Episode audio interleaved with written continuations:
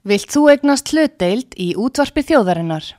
Sendu tölvupóst á hlutabref at útvarpsaga.is eða ringdu í síma 533 3943. Útvarpsaga stendur vörð um tjáningafrelsið.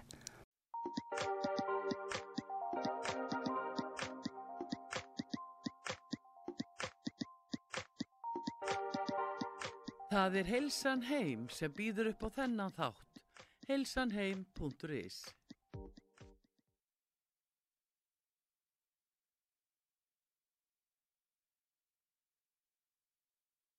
Uh, nú er ég komin aftur úr sumafrí, ég hef haft það mjög gott í sumar og gaman að vera komin aftur. Nú ætlum við að, að ræða um lífið og tilveruna, heilsuna og það sem gagnast okkur og fjölskyldin okkar í vetur. Í, í byrjun þáttarins þá ætla ég aðeins að ræða um börn, barnaleikfeng og barnahúsgögn og það öryggi sem, a, sem a, e, við þurfum að hugsa um þegar að börnin okkar er að leika sér. Og síðan í setni hluta þáttarins eftir auðlýsingalli þá ætlar hún Raka Nagli að koma til okkar. E, það þekki allir hana Ragnhildi Þorðardóttir Sálfræng og hún ætlar að ræða við okkur um mörg og uppbyggileg samskipti. Þannig látið ykkur bara hlaka til en e, ég er komin með hana Guðbjörg Unu Hallgrímsdóttir á í línuna Guðbjörg, kontu sæl Já, sælublesu. Já, bara takk fyrir að gefa það tíma og, og, og spjalla okkur við ykkur. En sko í, í mjög langan tíma þá hef ég aðeins verið að skoða og líka ég og badnabött sjálf og við eigum það öll, kæru hlustendur, börn og badnabött, að, að þá hefur maður aldrei verið að skoða badnaleikfeng og, og badnahúsgögn og badnaherbyggið og öryggi og heimilum og og hvernig, hvernig leikfeng eigu að vera að kaupa fyrir börnin okkar. En ég rakst á það að hún Guðbjörg er sérstakur eh, sérstök áhuga manneska um barnaleikfeng og barnahúsgögn þegar að kemur að við getum kallað e, svona sköpun og ímyndunarafli. Er það ekki Guðbjörg? Jú, algjörlega. Ég hef haft alveg áhuga á þessu bara lengi, svona leikbarna yfir höfuð. Og svona sérstaklega því ég eignast mín eigin börn svona bara út frá því hvernig uh, allt er í dag með tilkomið tækninar og þannig. Sjómasefni sem er að, aðgengast börnum og svo leiðis þá fór ég alltaf að hugsa þetta. Svona hvernig leikvöng geta hjálpað börnum bara við að nota sköpunarkraftin sinn og ímyndunaröflið í leik og ég held að það sé alveg sérstaklega mikilvægt svona í dag Einmitt, einmitt. Og eiginlega aldrei mikilvægur heldur en í dag vegna þess að með tilkomu sko, snjall tækjana, bara hérna símana og pattana og svo náttúrulega allt efni í sjónvarpinu að, að þá er alveg mhm. heiminn að haf bara, til dæmis ef ég tek mína kynslu sem var bara alveg við það það var ekki svona malbygg á gödunni og við fórum bara út í brennu og kílu og vorum bara sko líkuvinnir í fjör að leika okkur. Og við vorum lítið kannski að leika okkur þannig með leikföng. Og svo bara út í það að taka bara allt Walt Disney dæmið og kvolpasveitin og allt saman. Og þá segir maður bara sko hvar er ímyndunaraflið og það sem, Já, það sem það. ég, ég sátt aldrei þegar ég var að því fór, svo fór ég að skoða að því þú rekur sko fyrirtæki og, að, og bara fóst í það að, að flytja inn og selja svona vöru sem þú hefur trú á míniplay að þá sá ég Heimitt. þarna algjör að snild hvað þetta varða þetta er í raun og veru sko bæði leikföng og líka húsgögn sem að sko eru hönnu til að ítundi sköpun og ímyndunar að barna og það fannst mér svo sniðugt Já, við leggjum svolítið mikið upp úr því að velja uh, vopin leikvöng sem er uh, að hjálpa börnunum að svolítið emitt að nota ímyndunarflið sitt í leiknum og það getur til dæmis hjálpa að hérna, auka sjálfströðstu sitt bara og þetta hjálpa að auka heiðfærnið í atmægi og alls konar. Einmitt, allt.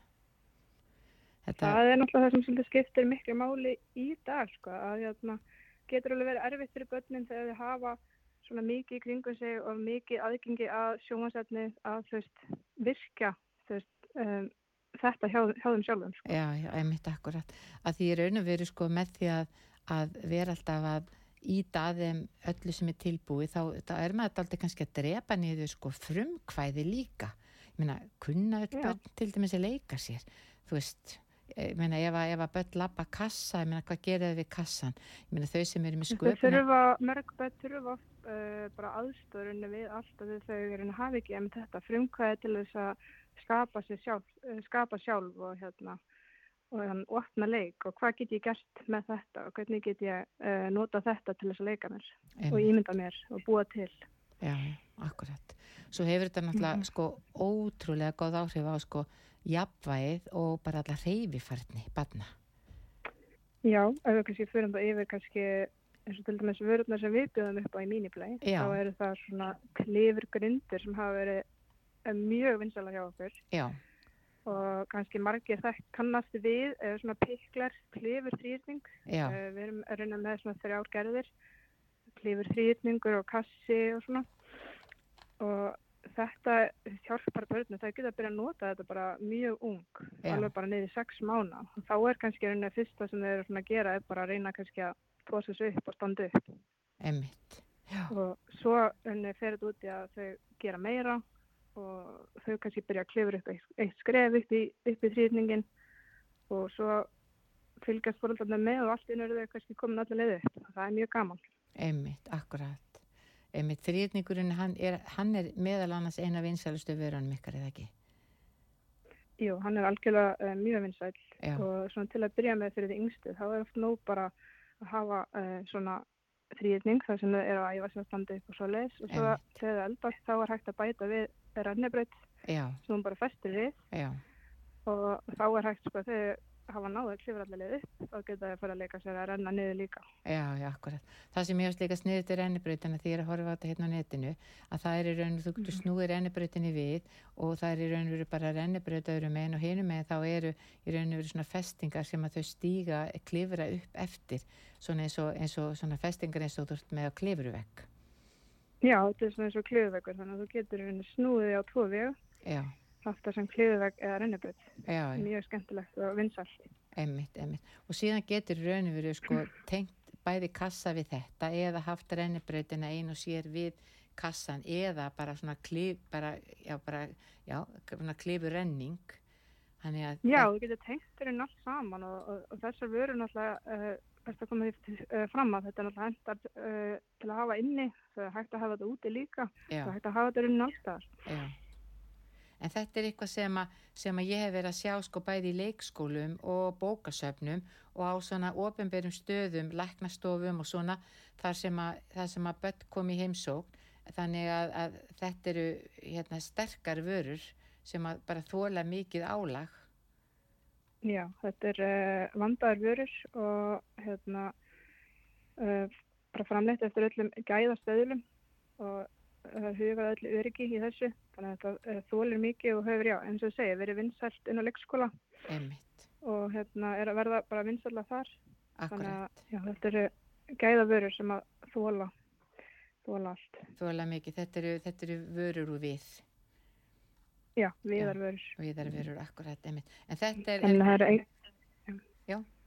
það, er- það er verið að, það er bæði verið að, e, syns, fóreldrar eru að kaupa þetta, bæði heim í barnaherbyggið og síðan er, eru, eru syns, e, fyrir, er, syns, svona stopnarnir eins og, eins og laknastofur, le- leikskólar, bókasöp líka þetta að því að þar eru krakkar syns, sem er í ykkur tíma og eru við leik, sko.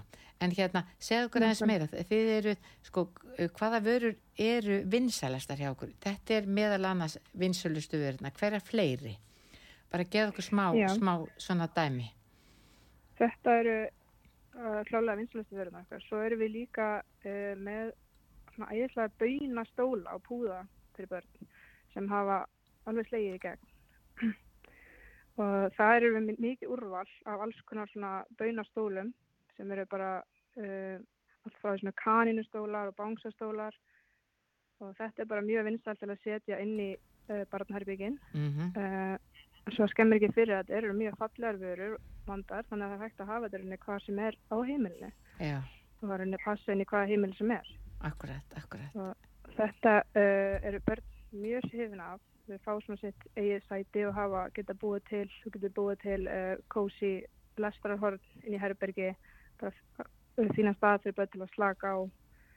Og þetta eru allt vörur sem eru án allra uh, eitröfna og áfnæmisvaldandi efna, þannig að Einmitt. Algjörlega örugt fyrir öll börn. Og, og þannig ertu líka daldi sko að hvetja börnin til sko aðeins bara kannski að slaka á og líka bara til að lesa.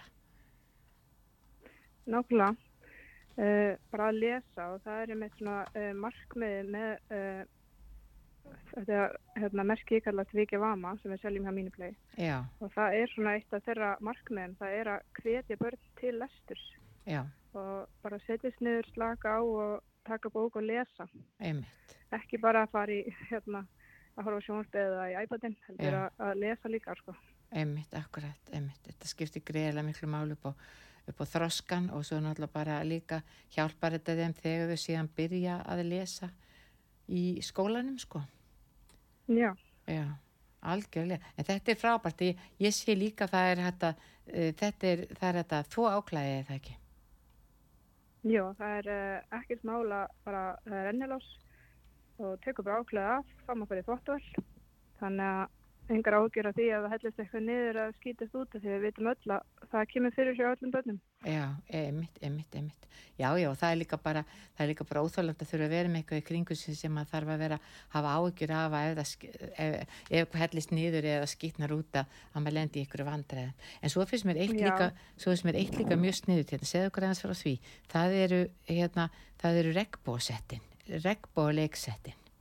Já, uh, úr þessari sömu línu frá þessu merki þá erum við líka með uh, svona, já, leiksett, kallast þetta. Þetta er rauninni bara úr svona púðum og þetta kemur í rauninni nokkrum einingum og þetta er rauninni sama eins og með rauninni svolítið klifugrinduna. Þarna er líka verið að hugsa til þess að svolítið að virkja uh, sköpunar uh, háttjaböðnum og svona ímyndunaraflið og þarna geta þeir nota uh, þessa vörurinn í alls konar leik. Veist, það er hægt að nota þetta sem bara sæti til að slaka á, það er hægt að nota þetta til að hafa sem búðaborð eða bara borð til að nota, raða upp og búið til virki, uh, búið til eitthvað svona kofa, setja teppi yfir, alls konar, bara hvað en þetta er í hug. Einmitt, Og þetta er mjög vinsælt og náttúrulega líka uh, einstaklega fallega vörur.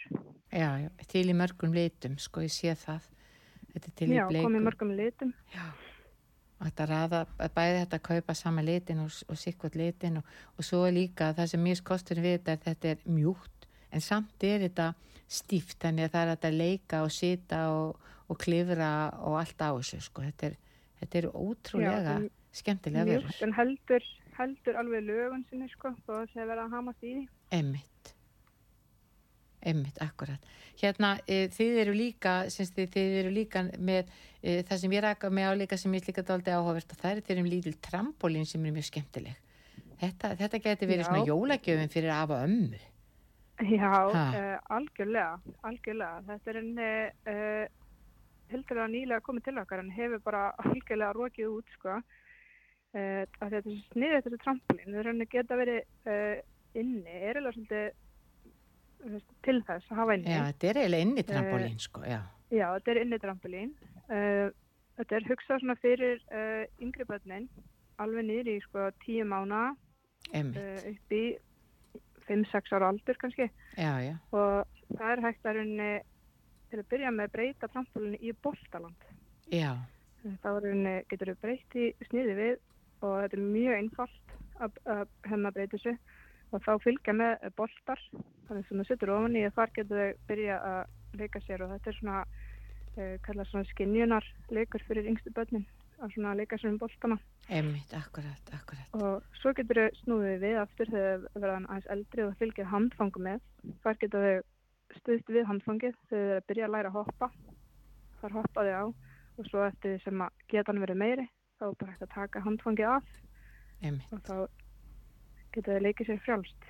já, já, emmitt, emmitt. Þetta, er- þetta er ótrúlega sniðut og, og allt þetta sem þið eruð í raunum fyrir að, að, að selja og vinna með þetta, þetta um, vinnur svo skemmtilega með sko bæði finnst mér jafnvægi, reyfigetuna, sköpunagáuna, frumkvæðið, þetta eru bara frábæra vörur, en, en þið eru nýbúin að opna þessa verslun, segðu okkur aðeins frá, hvar er Miniplay?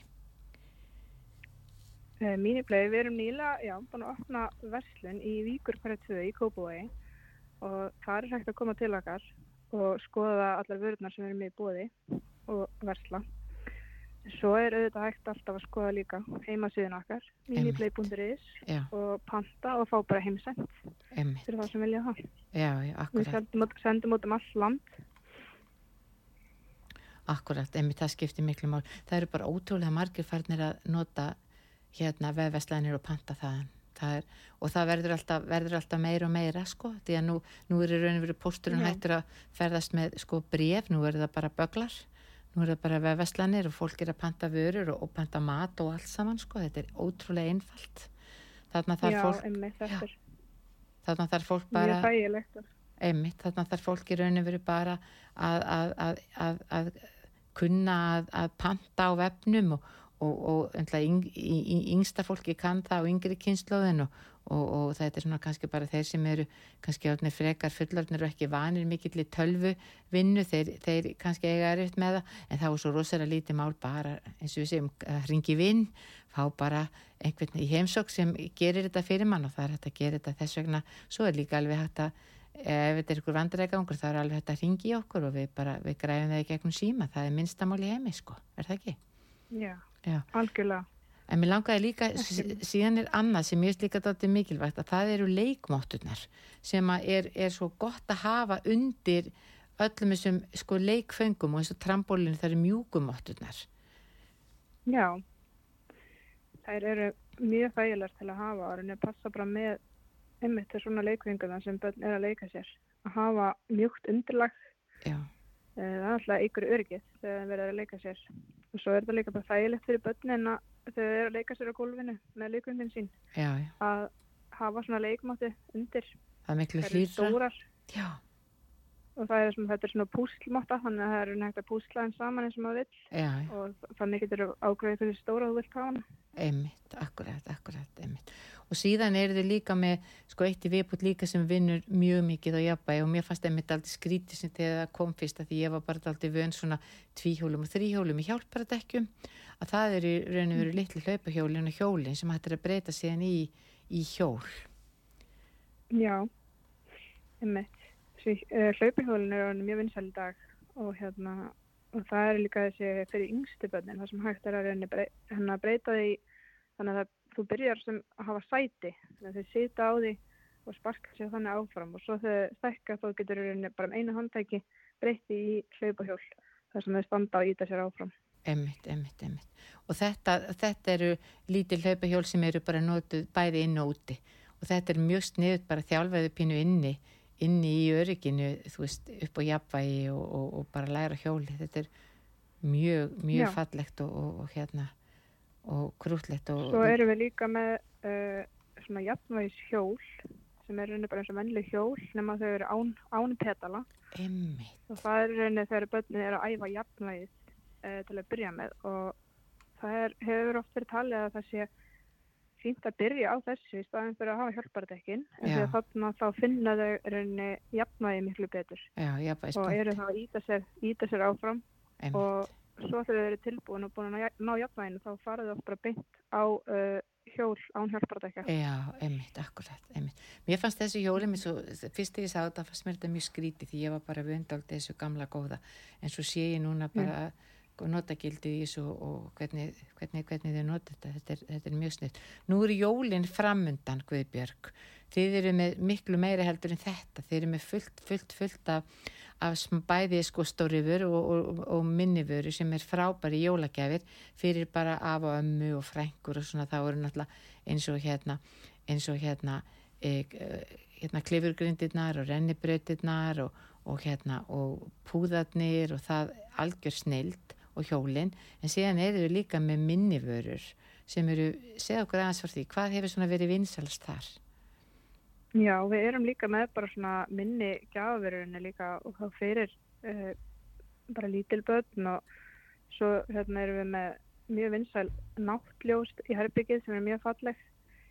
Uh, svo erum við með bara alls konar uh, eins og nægleikvöng, við erum með viðarleikvöng, kuppa, uh, kuppa til að rafa.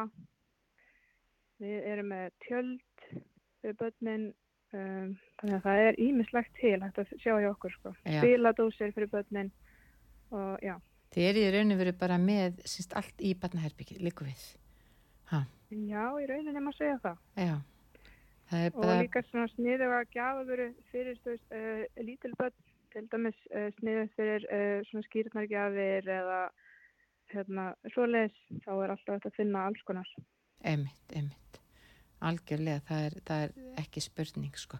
en hérna, en búðin ykkar í Víkurkvarfinu ég kom inn í hennu um daginn og, og hún er bara ótrúlega skemmtilega og ég myndi endilega hvet ykkur, bæði eins og ég segi því sem eigið börn að, ef þið hafa skoða, skoða vörun að koma og kíkja vegna þess að það er, það er allt uppsettar og börnin geta prófað og þið geti séð og lefst börnunum að prófa sem sagt uh, allar vörurnar og, og svo er hérna og svo er náttúrulega líka hægt að panta á netinu og, og, og það er bara miniplay.is það er vefverslunin og, og ef þið pantið í dag þá er, þá er varan afgreitt á morgun og fer svo í útkerslu er það ekki? Og svo er þetta bara Já. á höfuborgarsvæðinu er þetta oftast að koma sama dag í síðasta lagi næsta dag og út á landi þá er þetta bara kert út eins fljótt og hægt er Akkurat. einmitt og ef panta er hérna yfir ákveðna upphæð þá, þá fylgir hérna þá er þetta sendt frýtt heim Já, við, við gerum það. já, já, og, svo, og svo má alltaf koma bara, svo bara um að gera koma og kaupa staðinum og skoða og, og svo framvegi sko en, en, en. Guðbjörg bara, bara frábært að hérna frábært að, að hérna heyra eins í þér þetta eru bara ótrúlega vöndu og stílhrein leikföng og batnavörur fyrir börn á öllum aldri og það sem ég er náttúrulega bara svo frábært þetta er bara sko hanna til ítindu sköpun og ímyndunarafl og svo er þetta svona hágjaða efni og líka með tilliti til umhverfis sem meðum ekki glema því það skiptir mjög miklu mál í dag Já, algjörlega. Það má alls ekki gleyma því. Nei, mjög, Mjög... Framleiðslan og vörunum og, og allt svoleiðis sem það sé huga á því. Þannig að það skiptir miklu máli. já, já, allir að við viljum svo sem ekki skilja jörðina eftir í slæm ástandi fyrir börnin okkur að batna, börnin og, og við erum alveg komin bara vel uppi veggin á mörgum stöðum, sko. Al, Algjörlega. Já, algjörlega.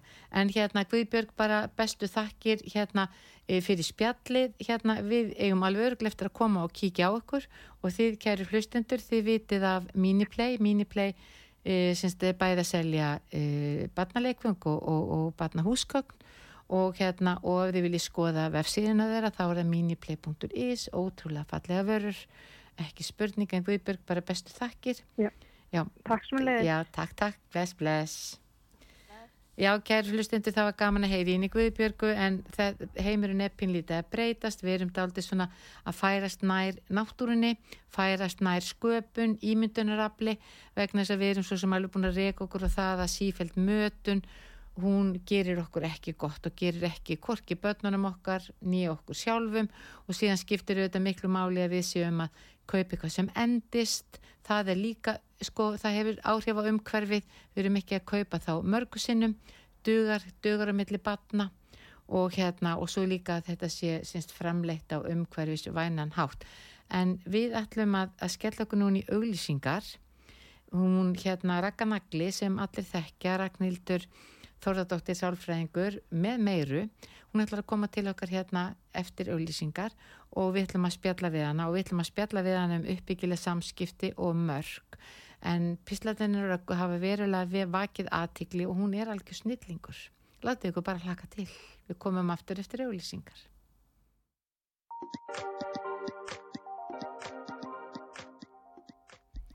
Komið sæl og blessu kæru hlustendur út við sögu. Þið eruð að hlusta á þáttinn Heilsan heim. Sigrun Kjartansdóttir heiti ég. Í setni hluta þáttarins þá ætlum við að ræða við hana Ragnhildi Þórðardóttur Sálfræðing, Röggu Nagla, en hún er komin á línuna. Hæ Raka, Nei, hæ, Sigur. hvað segir þið gott? Komin til Danmarkur aftur, eða ekki? Já, ég kom í gerðkvöldi. E- Einmitt, akkurat. En mér langar að svona spyrja því, sko, við ætlum að ræða um mjög skemmtilegt málefni sem eru svona uppbyggileg samskiptu og mörg. En e, e, það þekkiði nú flestir. En mér langar að spyrja því, hvernig fyrstu nafni Raka Nagli?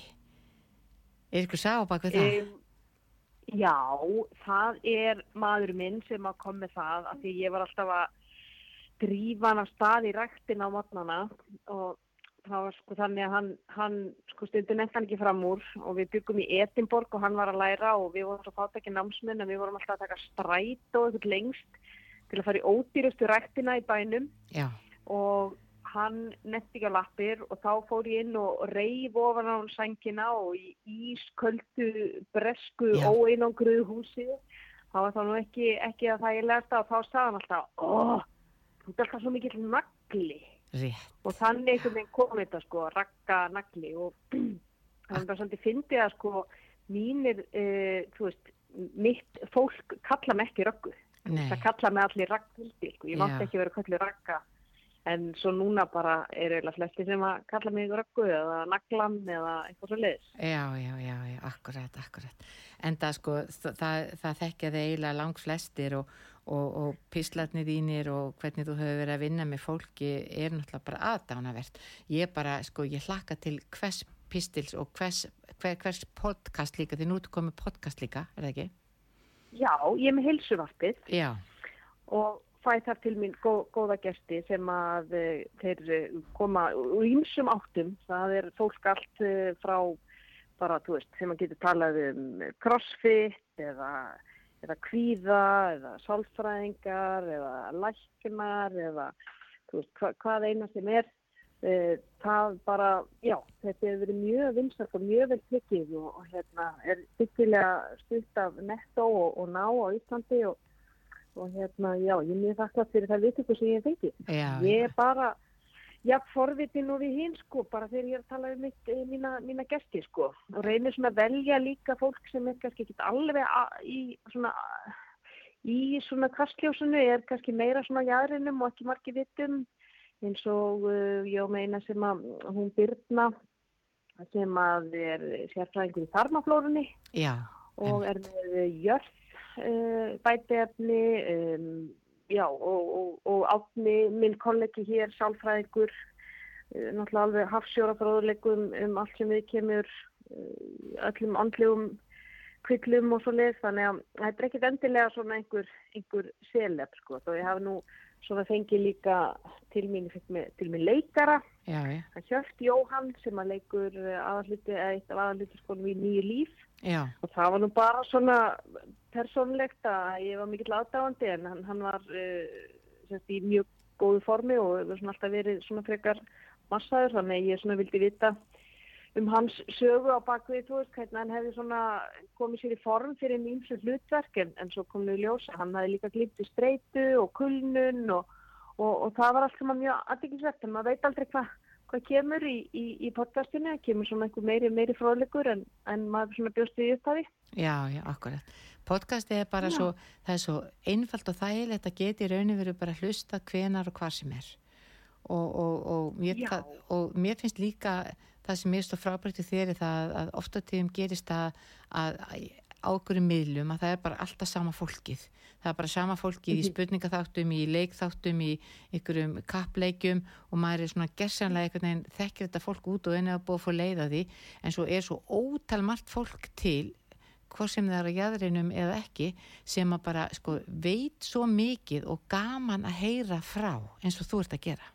Mm Það er alveg rétt sko og, og svo margir sem að eru að gera veist, frábæra hluti en fá kannski ekki þá umfjöldum sem eru að skili eins og Kristín Þóraldsdóttir dýralækni sem keppir í kraftliftingum og, og er svona með þeim efstu í Evrópu sko. Já, og, og vinnur samt fulla vinnu sem dýralækni við tvekja barna Já. þannig að, að, að svona, veist, þetta fólk fær finnst mér ekki, ekki svona uh, verðskulda aðtikli sko. Og það er líka bara svo Mm. gott fyrir okkur hinn að, að heyra og sjá þarna Kristínu sem vinnur allan daginn eins og við en hún er samt að gera þetta og þetta svona hvetur, já, byrju, ég get nú alveg öruglega gert meiri, ég ætti þó allavega geta að drattast í raktina, skiluru. Þannig þetta hvetur mann aldrei til dáða þegar maður, þegar maður, maður heyrir sögurnar af fólkinu, sko.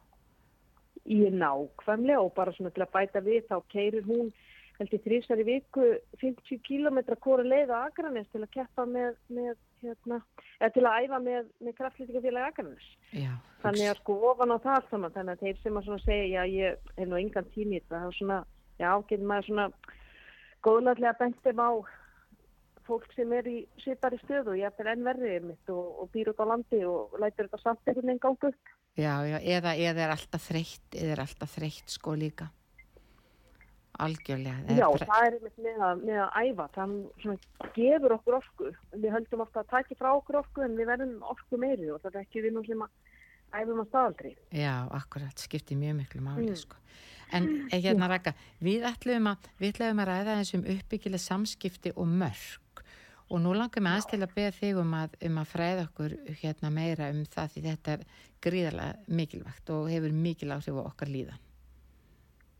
Já, um, sko, ég hef svona sé það í mínu starfi með mínu skjólstæðinga að oft er svona þeirra, eh, þeirra svona mikil eh, pyrringur, frustrasjón, gremja, mikil streyta að þá fer ég oft svona að, að grafast fyrir svona hvernig ert því að setja mörg og hvernig eru mörgin þín við aðra fjölskyldumælinni, við makandinn, við börnin þín? Og oft kemur í ljós sko að fólk heldur að segja þetta mörg en það er það í rauninni ekki af því að mörg, það er kunst að setja mörg Vi, við lærum það ekki í skólanum við, við, við eigum bara einhvern veginn að kunna það en það er þetta er, þetta er, þetta er fræði þetta er, við, við þurfum að tjá okkur með ákveðnum hætti, nota ákveðin orð og, og segja hlutina á ákveðin hátt og, og uppbyggileg samskipti eru fræði mikil fræði og, og eitthvað sem að ég vissi ekki og, og ég maður þegar ég fór að tilenga mér svona uppbyggilegri samskipta tækni að þá sagði maðurinn minn á einu tímapunkti sítt og gleðileg af því að ég var alltaf, að ta- sko ég var hægt að segja sko, þú tekur aldrei úr uppþáttavilni þú veist, heldur ásti mín, ég, mér þætti rosa væntum ef að þú myndir taka oftar úr uppþáttavilni ég, ég, mér finnst þetta oft lenda á mér. Já, og þetta, þetta, er, þetta er sömu skilabúðin en þeim er pakkað inn í fallegan sellofan og við setjum slöpu ofan á. einmitt. Þannig að hvernig við tjáum okkur fyrir við yfir í einhvern ágreining eða verða þetta bara róli og uppbyggileg samskipti þar sem að ég óska eftir einhvers konar breytingu á hegðun og þú mætir því. Og mörg er, það er einhver sem sagði, mörg eru fjarlæðin þar sem að ég get elskað mig og þig samtímis. Og það, það er svona, þú veist, við erum að byggja í rauninni svona girðingu í kringum okkur. Hver fær að koma nálægt, hver fær að koma inn á lóðin okkar, hver fær að koma inn í andirið, hver fær að koma inn í stofu og hver fær heimlega að gramsa narkataskúfinni. Þú veist, við ákveðum það hversu, hversu langt við hleypum fólki og hvað hegðun er okkur ásættanlega og, og hver ekki. Algjörlega, algjörlega. Mm. Þannig að sko mörg er, er fyrir okkur. Mörg eru ekki fyrir hinna.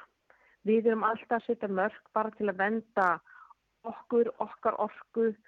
Uh, við erum að, við erum að, að uh, ákveða sagt, fyrir hvaða fólk við erum, við erum, við erum til í að uh, eins og segi, hleypa, hleypa alveg inn í okkar instakíma en sko þá kemur spurningin af hverju þurfum við mörg, af hverju þurfum við að setja mörg.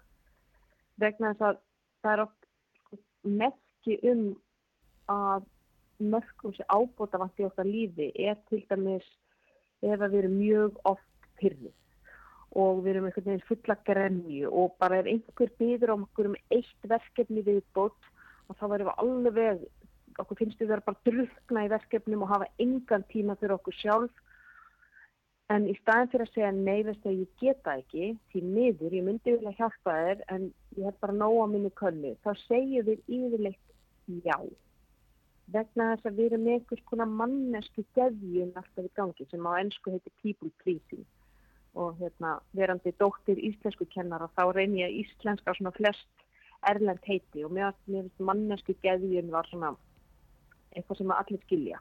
Við erum alltaf að reyna að þóknast og, og það er eh, við, við, við viljum frekar sitja í eigin gremju og pyrringi og frústrasjón yfir að hafa sagt já þegar okkur langaði að segja nei frekar en samviskubitinu sem við fáum þegar við segjum nei. guð hvað ég þekki það er þetta grínast Mhm. í mér, já við þekkjum öll manneskigeðuna, við erum öll, við, við erum, lang flest erum við þar. Og, og við setjum ekki skýrmörk. Og til dæmis, við bara nefnt dæmi ef einhver er sko beðinum að baka hundrað bollakökur fyrir fjáröflun hjá handbóltafélaginu hjá barninu. Og að sjálfsögur segir við já, að því við erum í geðjun og þóknun. Hvað er að segja neyðið á sama tíma? Við erum að segja neyðið tíma með makanum, neyðið tíma með börnunum. Þau eru alltaf að fara í sund. Ég er þetta heima að færa eitthvað deg og, og grjót pyrruð yfir því, hundsvegt, en ég get ekki verið sagt ekki neitt annan en sjálfa mig eins og ég gata alveg sagt nei. Það já. já, Mm emmitt, emmitt er Og hérna, það er bara oft svona, svona kulnunar einkenni akkurat ef við höfum ekki verið að setja mörg. Já. Er hérna er, sko, nú er, nú er svona eru ákveðin kynnslóðskipti alltaf annars lagið og meðal annars núna. Þessi kynnslóð sem er að fara núna til dæmis af vinnumarkaði og fólk sem er, er 60 er 60 og yfir e, þegar að, þú veist, ég er þar pínlítið og ég man bara eftir því þú veist, það bara, það sagði engin nei og manni myndi detti hug að segja nei. Mm. og bara einhvern veginn fólk bara hlóð á sig sko Já. Og, og það hefur svona kannski mitt smitast niður á, á næstu kynnslóð. Ég held mér finnst eins og þetta sé breytast. Mér finnst fólk vera orði betra í að setja mörg og yngra fólk. Um, og e, það, það er annað sem við gerum stopp segum að það er við fyrir að ofur útskýra okkur. Ef að við, ef að við, ef við, vogum okkur að segja nei, ef að við finnum ég get ekki bætt meira á mig, ég get ekki ég, ég get ekki farið í þetta partí í kvöld eða ég get ekki sagt já við þessu verkefni er að í staðin fyrir ég segi takk fyrir bóðið en ég kemst til miður ekki að þá er ég allan daginn með svita á öllókonum að reyna að finna ástæður og afsakanir fyrir því að segja nei. Emmitt að við, okkur finnst það ekki duga að segja nei, nei takk fyrir bóðið en ég kemst til miður ekki heldur þarf ég að vera með allavega þrjár afsakanir á í handraðan. Ég, ég þarf að segja, um, ég, já, takk fyrir bóðið en, en, en sko ég kemst ekki að því að veist, bílinn hann er á verstæði og, og, og, hérna, og, litla hann þarf að fara á sundmátt og, og, og þú veist, og svo, svo verður, hérna, ég að fara til mömmu eftir, eftir kvöldmatt, skilju, þannig að ég er alltaf tilbúin ef að einhver hankar mig á, já, en ég get lánaði bíl, já, já, en Siggi og sundmátti og skilju, þannig að, og, og það er sama gildi fyrir okkur og, og ég upplifði þetta sjálf, ég, ég á vinkonu sem er rosalega góð í þessu, hún segir bara, æ, já, ég myndi gerða vilja hitta en ég geta ekki þennan dag. Og ég býð alltaf að býtu, akkur getur hún það ekki? Akkur segir hún mér ekki hvað hún er að fara að gera? já, já, veist, þannig ég er að býða eftir því og mér finnst ég að rétta þeim upplýsingum að ég þarf að ákveða að ég að vera móðguð út í hana, að ég að, er þetta nógu góð ástæða, er, held ég að hún sé að ljúa mér, en svo fer ég bara að venjast í, já, heyrðu, ég á ekki rétt að því, hún, það getur skiptir engum mál, hún getur verið heima að, að þú veist, strauja sokkana sína, skiptir ekki máli, hún kemst ekki, hún getur ekki komið, ég þarf ekki að vita neitt meira. Nei, og, og það er svona dæmi um svona eina af svona fáum vinkólu mínu sem að setur rosalega skýr mörg og ég virða hana mjög fyrir það. Emmitt og, og það er annað sem við erum oft hrætt við, við erum svo hrætt við að setja mörg, við erum svo hrætt við að missa fólk úr líf okkar. Þegar við setjum mörg að þá mun fólk verða móðgað og það yfirgef okkur. En sko mörg venda sambönd frekar en að skaða sambönd. emmitt, Þannig að, að sko, við getum séð að mörg eru líka ákveðin svona grísja á fólki í lífun okkar. Ef að einhver verður móðgæður og pyrraður yfir því að við setjum mörg og ef hann tekur það á það stig að hann þennlega bara ítir okkur út henni bara búið að, þú veist, erum við að henda okkur út af Facebook eða, eða hvað það er af því að við sögum kannski einu sinni nei, þá er þetta ekki fólk sem vil í þínu lífi. Þá er þetta fólk sem hagnaðist á því að þú hafðir einhver mörg. já, emmitt góð punktur Mm. Við erum ábyggilega með fullt af svona fólki kringum okkur, bæði, bæði vinum, kunningum og jafnvel ættingum, sko. Algjörlega og ef einhver vil sko sósa sig í samvinskubiti þá er það að setja mörk fjölskyldumæli. Það er einn erfiðustu mörkin sem að við setjum. Þannig ég segi oft í mínu stólstæðinga, byrjið á að setja auðveld mörk. Ef einhver finnst erfitt að setja mörk, byrjiði, byrjiði á okkur fólki sem er öfugt. Fólki sem að þið sko óttist ekki að þið missið út úr lífinu. Til dæmis bara ókunnuga. Bara ef þú stendur í röð í bakaríinu og einhver riðst framfyrir þig. Ef að þitt gamla væri að segja ekki neitt og, og fara bara heim í pyrringi og, og hvart yfir dónalega manninum í bakaríinu, þá frekar hefur fylgjöðu, það er röð hérna, ég var. Þú veist, það er bara einhvern svona lítil mörg sem við getum byrjað á að setja og það er ekki sem byggir sjálfströsti hjá okkur hraðar en að setja mörg. Því þá, þá trúum við því að við séum þess virði að mörg að það séu vist og við megum setja mörg. Og síðan getum við fara að færa okkur yfir í næsta lag og næsta lag og yfirleitt endur við á fjölskyldumælumum og, og, og þú veist, yfirleitt erfiðustu eru, maður segir, foreldrar eða sískinu vegna þess að það er bara ákveð kerfi í gangi, það er ákveð system Mm. af samskiptum sem að við einhvern veginn ætlumst til við, við vitum nokkur veginn hvernig viðkomandi bregst við þú veist, ef ég byrð pappa um að skutla mér, veist, hann segir 99,9% tilvika segir hann já þannig ef hann síðan að tími segir nei þá það, það trubla kerfið, það trubla systemi og, og hvað get ég þá gert? Ég, reyni örglega einhvers konar mótstöðu við það að hann seti mörg kannski reyna að samvinskubiðsvæðan já, nei, nei, þetta er aftur læðið þannig ég, ég lappa það bara í rigningunni Já, já, og kuldanum. Já, og kuldanum, já. já, ég segi þetta í góðum passiv-aggressiv tón og, og kemur samvinskubiti eða, þú veist, eða ég get farið í þagnabindindi, ég get reynda fílustjórna eða, þú veist, það er yfirlega einhver klækjabröð sem eru notuð þegar að fólk reynir að svona íta á mörkin okkar og það er þá okkar að standa þétt á bakvið þau og endur taka bara, já, mér- heyrist hérna eins og ég líki ekki alveg það sem ég sagði en, en þetta er, er svarum, ég geti mér ekki ketti, eða ég geti mér ekki baka fyrir því þessar hundra bollakökur eða hvað það er. Emmitt, emmitt, emmitt, emmitt. Er þetta, er þetta eitthvað raka sem að maður þarf svona að allt í henn að segja ok, nú, ok, nú ætla ég til dæmis bara að byrja að setja mörg, ég hef ekki verið nú góð í því. Þar ég að fara til fjölskyldunar og segja, já, nú er ég komið með svona smá aðferðafræði, ég er pinlítið þreytt og vinn mikið og, og, og mér finnst ég stundum vera kannski að gera hluti of mikið fyrir aðra og ég, nú ætla ég að fara að setja mörg. Þar maður að segja eitthvað svona eða getur maður bara að byrja það í daginn eða bara maður byrjar að æfa sér smátt og smátt á okkur litlu til að fólk bara sk sko- skinji hvað Já. er í gangi Sko, það er, þegar við erum að setja mörg, þá er best að, að sko, taka alltaf einangri tilvik. Þú veist, ekki vera of general og ekki sko einhvern veginn svona yfir, yfir stórar, svona stóran flöt heldur.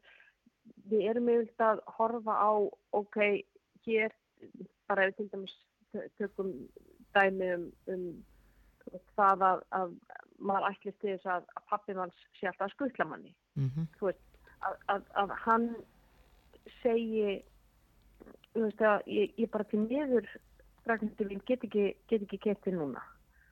Og, og, og það er bara er hann að setja mörg. En hann gæti líka sagt já mér finnst ég alltaf vera að, að skutla. Og nú ætla ég að fara að byrja á því að setja mörg og, og skutla þér sjálfna Já, það er miklu líklegra til þess að valda ágreiningi og því að sko þá getur við farið í ykkur að rökraðir, býtu, hvað minna þú sér alltaf að skutla mér? já, Menn, þú til dæmis sagði nei hérna síðast eða það er langt síðan ég beðið um að skutla mér, skilju. Þannig að við erum alltaf að horfa á sko aðstæðina hverju sinni og reyna að setja mörg í þeim eða við getum líka sett mörg eftir á þar sem að við tölum um sko hvað, hvað gerðist hvernig leið mér með það sem gerðist, af hverju líður mér þannig og hverju vil ég breyta. Þannig að, veist, til dæmis ef að, þegar vinkona mín segir mig lendamál og ég fer með það áfram lóðrétt bara í hérna siggu, samílu vinkona okkar, að þá getur þessi vinkona komið til mín og sagt, herru, uh, ég saði þér hérna lendamál um mig, ég frétti það síðan ekki bæja sigga veit þetta, hún segir það að frétta hjá þér, ég uppliði þarna svik og trúnaðabrest. Mér, mér, veist, ég kæri mikið um að aðri viti þetta því ég þér og í framtíðinni þá vil ég byggja um að faga yfir lendamálu sem ég segi er í trúnaði. Um, ef, ef það gengur ekki fyrir þig, þá verði ég að hætta að deila með þér minn persónlegu málum. Það er til dæmis að taka fyrir eitt einangra atvik, setja mörg, láta vita, þetta hafi þessi áhrif á mig og við erum alltaf fyrir við erum alltaf tala út frá það. Við segjum alltaf mér finnst, mér líður, ég upplifi, veist, það er alltaf, er alltaf upphafið í setningunni. En ef við byrjum í setningunni og segja þú kjáttar alltaf frá því sem að ég segi þér. Ég get aldrei tristir fyrir neinn þá erum við komin í ákveðing þá þú fann að ráðast á mig. Ég er komin í vörð, þetta er alhæfing og ég er bara ekki sammálaður og nú fyrir við að rýfast og, og það getur endað í vinslutum þannig að það er ekki að setja mörg Nei. að setja mörg er nákvæmlega fyrradæmið. Ég upplýði trúnabrest, ég kæri mig um að þetta, allir viti það sem ég sagði og hvernig vil ég að þú breytir hefðuðinni. Síðan gef ég þér séns og ef að þú stendur við því, þá erum við áfram vinnir. Ef að þú áfram, ef, ef ég kæfta áfram í sittu, því sem að, því sem að mér að trúa fyrir, þá hefur þessi vinkona mín rétt að því að slöfa mig. Hún hefur rétt að því að annarkort mika samskipti við mig, hætta samskipti við mig, þú veist, það verður eitthvað afleðingar af því að ég breyti ekki hefðinni. Mm -hmm, Þannig að þetta er, veist, þetta er, þetta er erfitt og, og, og, og, veist, þetta er flókið og þetta tekur á og fyrst er þetta bara svona eins og að, þú veist, að læra að keira bíl, við munum alveg hvernig það var, veist, við vorum rosa mikið að hugsa um að stíga á kúklinguna og skipta yfir í annarki, nú er þetta allt orðið automatist hjá okkur og við bara, þú veist, þetta rennur bara einhvern veginn, bara er þetta inn í tögakerfinu hjá okkur hvernig við keirum bíl. Þannig að það er sama með að setja mörg. Þetta verður með tímanum automatist. En fyrst er þetta bara eins og skrifa með vinstri hendinni, sko. Já, já. Það þeirra hægrið bara í vörfendur. Já, já. Mm. Einmitt, einmitt. Þetta er, þetta er aldrei kunst, sko. Er hérna, er ykkur námskeið sem fólk getur farið á? Minna, hérna, varðandi til dæmis eins og bæði samskipt og mörg og svona, minna, það, fólk er mjög mislægið í samskiptum. Bara hvað það segir Já. og hvernig það segir það. Algjörlega. Og ég var með fyrirlestu fyrir félagkvæni aftunlífinu um að setja mörg og þær komu til mín eftir á og þær höfðu hvernig allar sína að segja og það sagðu allar, ég held að ég væri að setja mörg. Ég er ekki að setja mörg. Ekki með hvernig þú setur það fram hvernig maður á að setja mörg. Og það er, þú veist, átt þess að því, það er, ég þarf greinilega að setja mörg því að þú veist, það var hann að glæra sem að ég fekk af hverju þarf að setja mörg vegna þess að þú forðast að svara símanu þegar ákveði fólk þingið eða þið finnst þú alltaf að vera drukkn í verkeflun eða þið finnst þú ekki að neitt tíma fyrir sjálfæði þú veist, þú veist, veist, með, þú veist styrtan þráð og sefur illa og, og, og streitið einhverni og veist, þannig að, og svo var einn sem að sagði það sem ég sá var að ég er ekki góði að virða mörg annar og ég þarf að vera betur því. Já, ég er á samvinskupsvæða ég, ég er með passiv-aggressiv tón. Þannig að veist, þetta opnar oft augu fólks á, á, á mismunandi hátt og eftir með skýrmörk eða óskýrmörk og, og allt þetta en við erum við Helgi Ómars, vinnu minn eh, við erum að verða með námskeið 21. og 22. oktober í eh, Make-up Studio Hörpu Kára sem er í Ármúla og það er þetta verður þryggja tíma námskeið bæði lögadásinni dag og fólk getur skráð sig á uh, e-maili helgi og rakka.gmail.com og bara láta vita hvort þú vilji koma lögadegi eða sunnudegi og við þar ætlum að fara yfir allt um að setja mörg samskipti veist, uh, streyta hvernig eflum okkur sjálf og eflum aðeins sjálfströstu í að geta veist, átt betri samskipti og, og veist, hvernig þekkjum við bara svona taktík líka, þú veist, eins og gerist oft í svona einhverjum samböndum sem er, svona klækjabröð og samvinskupitvæðing og hvernig getum við svarað því, hvernig getum við brúðist við því á réttan hátt á þess að fara út í einhvern ágreining og okkur líðu illa og, og, og, og einhvern veginn svona verðum hlætt um sambandið. Emmitt, emmitt, emmitt. Mér finnst þetta, finnst þetta alveg stóri merkilegt og ég held í raun og verið að við flest þyrtum að fara svona námskeið. Ég held að það sé ekki spurning og mér fannst það sem, mér fannst líka mjög áhugavert þú varst að tala um sko þá sem sagði ég, ég held að ég sé ekki að viða mörg annara og líka bara þetta samviskuvæða og svona, þú veist, við höfum held í öll gert eitthvað af öllu. Og þú veist, manni, manni hvorki líður vel að samviskuvæða eða lendi því einhver sko skilur eftir saminskupið hjá manni að því að maður ákvað það að maður vildi ekki baka bollakökurna sko eða ég vildi ekki bara að valdi það að maður vildi velja það frekar að fara með fjölskyldin í sund sko þannig að ég, ég held að þetta sé alveg stór merkilegt og, og ég held að svona námski gagnist öllum og við ættum í rauninu fyrir öll að vinna þess betur í þessu málum og, og læra meira um þetta Algjörlega og ég, ég segi það ofta, mér finnst þess að þetta kenna samskiptutækni í skólu. Já.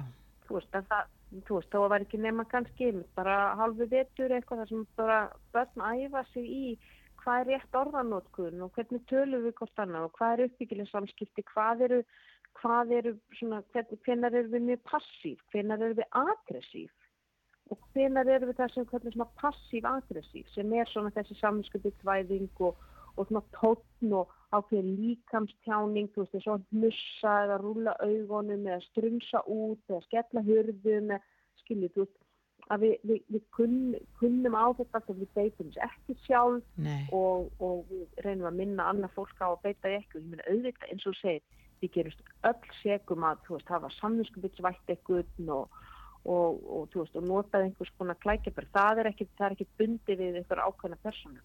Neini, og kannski, og alls ekkert endilega sko, ásetningið eða ílsku þetta er, þetta er bara eitthvað sem að, maður hefur stundum sér maður bara og veita bara, það er bara menningi fjölskyldum sem er daldi þarna. Þannig að, að, að það skiptir öllu máli einhvern veginn bara að setja orða á þetta og, og, og tala um þetta, segja fólki frá því og svo fer maður að skoða okay, hvernig, hvernig hegða ég mér, hva, hvernig segi ég hlutin og, og líka rakkar þið skiptar það ekki líka máli hvernig við bregðumst við? Algjörlega, hvernig bregðumst við? Við mótstöðu og, og það er einmitt það sem ég fer yfir einmitt bæði í, í mínum fyrirlasturum og eins á svona ámskeiði er þegar við mætum mótstöðu, þegar við mætum samvinskupitsvæðingu og þá, þá eru ákveðin tækju tól sem við notum til þess að bregðast, við því. Að sko yfirleitt er mótstaðan það sem að fólk er hrætt við við að setja mörg því að það veit að það fær alltaf eitthvað tilbaka það er yfirleitt í fæstum tilfellum er það já, heyrðu, ekkert þó að segja nei allt í gutti skilju, það, það gerist það gerist mjög sjálfdan þar sem að við fáum alveg veist, full vissu um að þetta er bara allt í góðu þú hafi sagt nei. Einmitt, einmitt. en mjög oft er það einhvers konar annarkvort er það ótalað í gegnum hegðun eða líkamstjáningu eða þá að það er einhvers konar tótn eða eitthvað sagt. Og við höfum ákveðin tækitól til að bregðast við því og láta vita ok, þetta eru samt mörgni þú þarfst ekki vera að sammála mörgunum minnum Nei. en þú þarfst bara að myrða þau emitt, emitt og þó að einhver verði fúll eða pyrraður, eða svektur, eða sár, eða vonsvíkin, að því að við sagðum nei, þá þýðir það samt ekki að við áttum ekki að setja mörg. Að því að við erum ekki ábyrð á tilfinningum annara. Og, og það er kjarnin í manneskugeðinni, við berum ekki ábyrð á tilfinningum annara. Alveg eins og við berum ekki ábyrð á hvernig aðrir hugsa, hugsaðni stýra tilfinningum, samkvæmt svona hugræðni aðfællismeðferð, að ef að við, við myndum aldrei segja að ég, stjórna því hvernig aðeins hugsa. Nei, við gerum það ekki. En við höldum við stjórna hvernig, hvernig öðrum líður og við getum stjórna hvernig öðrum líður með því að við erum manneski geðjun eða segja já þegar okkur langar að segja nei og halda öllum, öllum góðum og allir líki vel við okkur. Við getum ekki stjórna því. Nei, við getum ekki stjórna tilfinningum annara. Emitt, emitt, emitt, emitt við getum í raun og bara stjórnað okkar einn tilfinningum og skinnjun og, og gefðum sko Já, og, og, og verndað og verndað okkur og verndað okkar, okkar tilfinningar og veist, fólk er að verða fyrir vombriðum á alla daga alltaf. Og það, það kemst ágætla útrýð það kemst líka ágætla útrýð þó að hafa orðið vonsvikið að við skildum ekki skuldlaðin eða sækja þau eða farið hensunna fyrir þau eða baka bollakökurnar eða skilu þetta er einhver vombrið í einhvern ekst tíma fólk kemst yfir það. Einmitt, algjörlega. Algjörlega, en ég, en ég er alveg samanlega raka, ég, ég held að það líð ekki löngu þar til að farið verður að kenna meira um samskipti og mörg og, og hvernig, hvað við segjum og hvað, hvernig við höfum að bregðast við sko í skólum og jáfnvel sko jáfnvel í leikskólum sko.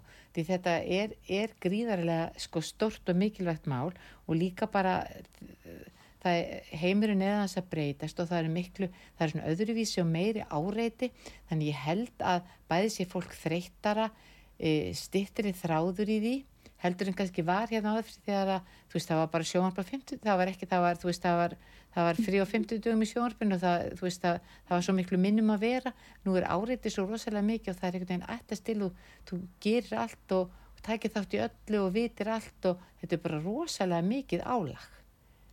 Já, ymmit.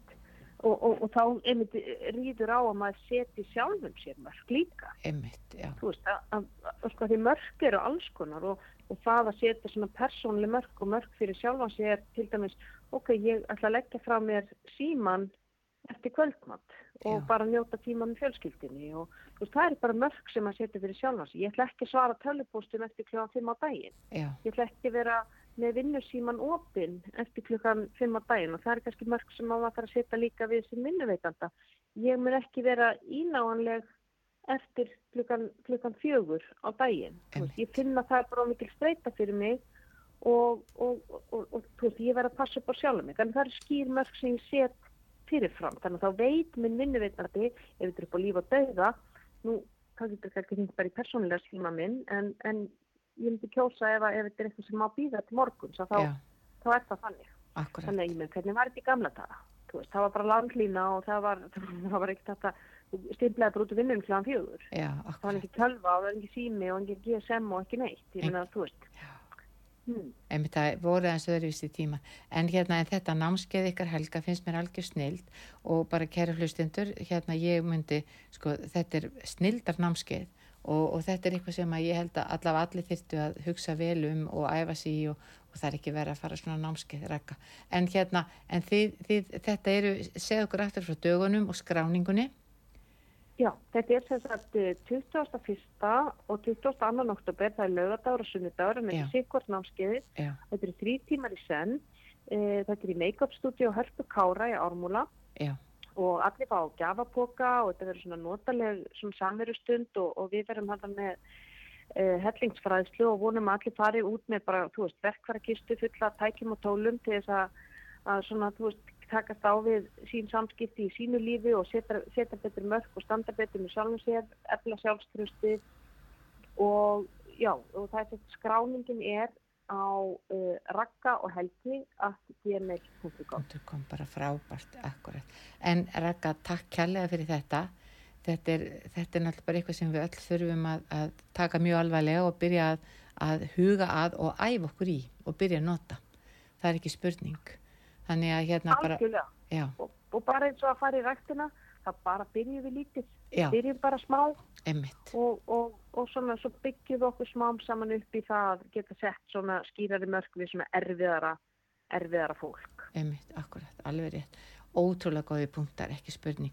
En, en Raka, bara bestu þakki fyrir þetta og hérna, og, og við byggjum bara, við byggjum uh, bara uh, um kæra kveðjur til Danaveldis. Við vitum að það er betra viður hjá ykkur en okkur, er það ekki svo leiðis núna?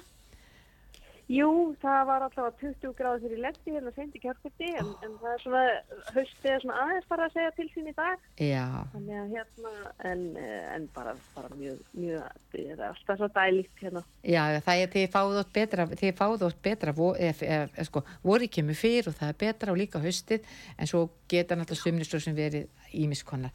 En bara bestu þakkir, Raka mín, og við heyrumst síðar.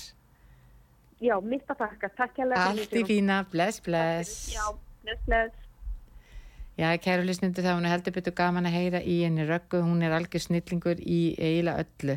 Hún er mín uppáhalds og uh, ég elska pislan hennar á Facebookinni og ég elska líka podcastið hennar. Ég myndi híklaust bara hviti ykkur til að, að hlusta og fylgja fylgin eftir að því að hún er að fara í gegnum svo miklu marga þætti sem bara hjálpa okkur, uh, láta okkur líða betur og við lærum svo mikið af. En uh, við erum lengur komið fram yfir tíman, svindluðum aðeins. Við, ég þakka kærlega fyrir mig í dag. Á næsta miðgut að fæ ég góða gesti til mín en það er, er Hera Björgsönguna og Margret Eir. Það verður stuð. Ég, við heyrumst eftir viku, verið sæl.